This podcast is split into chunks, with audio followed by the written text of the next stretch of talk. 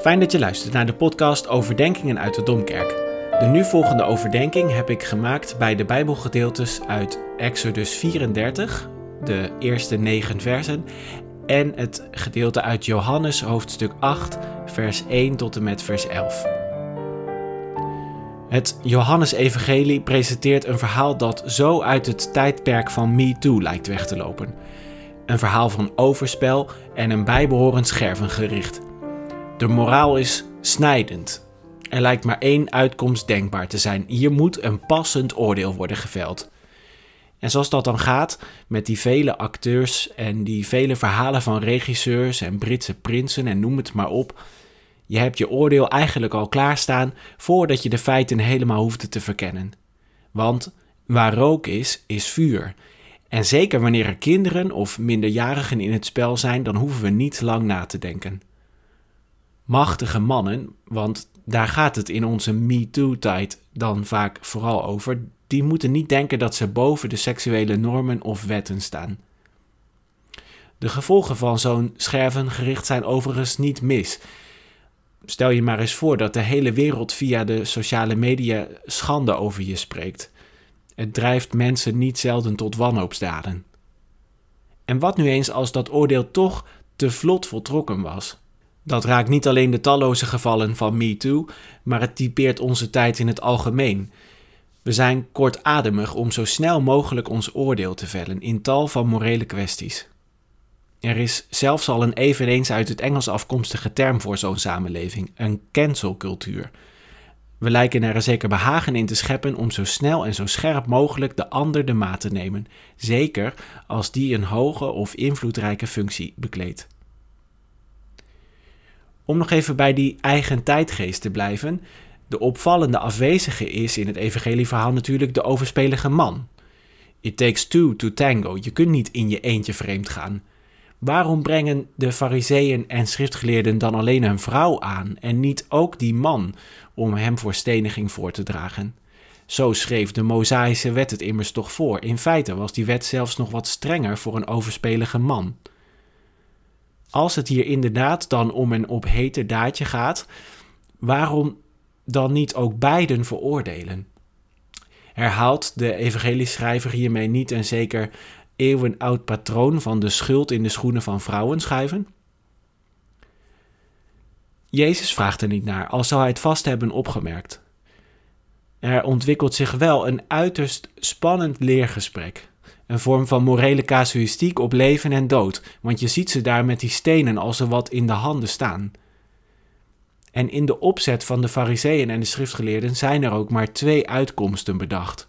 Ofwel de vrouw moet haar rechtvaardige straf ondergaan, ofwel ze vinden aanleiding om Jezus te arresteren en te veroordelen.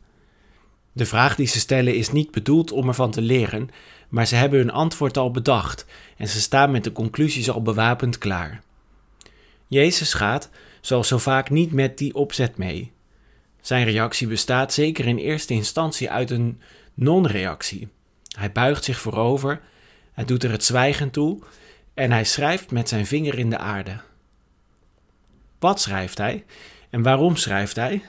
Daar zijn wel aanknopingspunten voor in andere delen van de Bijbel, maar echt overtuigend is dat allemaal als verklaring niet. Wat we hier wel zien, is een uiterst effectieve manier om het hele gesprek van inhoud en van vorm te verleggen. Om het spel, om zo te zeggen, langs andere regels te spelen. Om het gehele discours op te heffen in de zin van het op te tillen tot een hoger niveau. Jezus zegt stilzwijgend: Zoals jullie hier een mens aandragen met je oordeel en je wapens al klaar, zo zullen we er niet over spreken. Dat verklaart ook wat mij betreft waarom hij niet naar die man in kwestie vraagt. Natuurlijk doet dat ertoe. Maar het zou vooral koren op de molen van het veroordelen zijn. Het zou de dodelijke opzet van de fariseeën en de schriftgeleerden precies in de kaart spelen. Het intact laten. Het misschien zelfs nog wel versterken. Maar Jezus wil iets anders zichtbaar en ervaarbaar maken.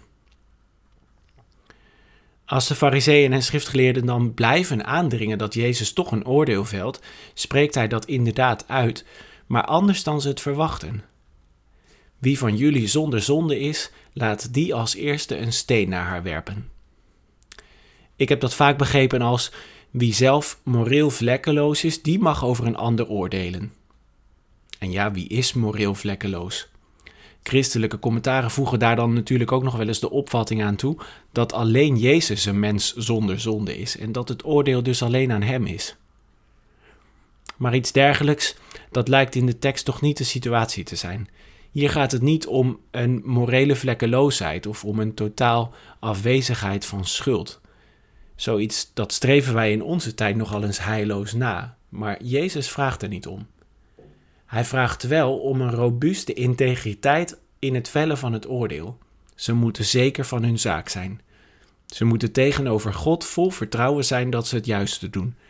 En dat lijkt toch een heel redelijke eis. Hun zaak moet wettig zijn, zegt Jezus, en hun motieven moeten zuiver zijn. Want wie in de naam van de wet het oordeel op zich neemt, die moet dat niet kwaadwillig of leugenachtig doen, zo zegt zelfs het boek Deuteronomium het al. Jezus past die stelregel hier toe en hij vraagt naar hun motieven en hij vraagt of hun handelswijze wel zuiver is. Of zijn ze er misschien op uit om via deze vrouw Jezus zelf in handen te krijgen?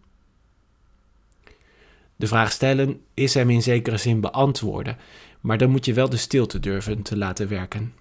En wat een indringende stilte moet het zijn geweest voor al die omstanders als Jezus zich weer bukt om in het zand te schrijven. Maar één voor één van de hoogst geplaatste tot de laagste druipen ze af. En het wordt duidelijk dat Jezus de veroordeelde vrouw omkeert tot een instrument van oordeel aan het adres van die godsdienstige elite. En tegelijkertijd doet hij dat niet met een uitgestoken vinger, door zelf te wijzen, maar door ze tot inzicht te laten komen, door ze zelf aan het denken te zetten. Is wat Jezus doet nu allemaal een afwijking van de Mosaïsche wet, of ligt het er juist volledig mee in lijn? Dat is een vraag die we niet kunnen laten liggen in de kerk, en zeker niet op Israëlzondag. We lazen hoe Mozes voor het ontvangen van de wet de berg Sinaï beklimt, om terug te keren met de stenen tafelen. Deze keer in Exodus 34 was dat de tweede keer, de tweede, tweede set stenen tafelen. De eerste set had Mozes al in Exodus 24 ontvangen, bij de eerste keer dat hij op de berg zo langdurig met God verkeerde. Die keer was het geëindigd met vernietiging, want het volk had een gouden kalf gemaakt, zo eentje als je in Utrecht bij het filmfestival ook weer kon zien. En het volk had daar in extase omgedanst. Als Mozes dat bij zijn terugkomst ziet, dan werpt hij in zijn verontwaardiging die stenen stafelen stuk op de grond. De Britse rabbijn Jonathan Sacks die geeft een mooie uitleg van het verschil tussen die eerste en de tweede keer dat Mozes de stenen tafelen ontving. De eerste keer zijn ze door God zelf uitgehakt en door zijn eigen vinger beschreven. Er is geen mens aan te pas gekomen en dus zijn ze het meest heilige voorwerp dat de geschiedenis heeft gekend. Maar in aanraking met mensen breken ze onmiddellijk. De tweede keer in de geschiedenis van Exodus 34 is het Mozes die de stenen uithakt en God die ze beschrijft. Een belangrijk verschil, zegt Jonathan Sacks.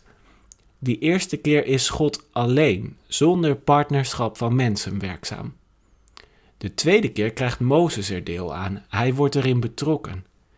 Die eerste set houdt het niet, maar de tweede wel. Het gezamenlijke werk van God en Mozes, dat houdt stand omdat Mozes erin betrokken is geraakt en erdoor veranderd wordt. Hij is niet langer dezelfde, maar hij voegt aan Gods openbaring ook de menselijke interpretatie toe. Rabijn Jonathan Sacks spreekt over het diepgaande verschil tussen de mondelinge en de geschreven Torah. Wanneer de Torah ons alleen in geschreven vorm, als Gods woord zonder menselijke inbreng, tegemoet komt, dan veranderen we er niet door. Maar de mondelinge Torah daarentegen, dat is het spreken van God waarin de mens als actieve verstaander wordt ingeschakeld. Daarom is Mozes ook die eerste keer als hij van de berg komt niet veranderd. Maar de tweede keer komt hij van de Sinaï af met een stralend gelaat, ook al merkt hij dat zelf niet. Want hij is er een onderdeel van uit gaan maken. Hij is een aandeel geworden, Gods menselijke partner in die wet en in het verbond geworden. Zo nodigt Jezus de Fariseeën en de schriftgeleerden uit om de mondelinge Torah te laten spreken en niet alleen de dodende letter van de wet.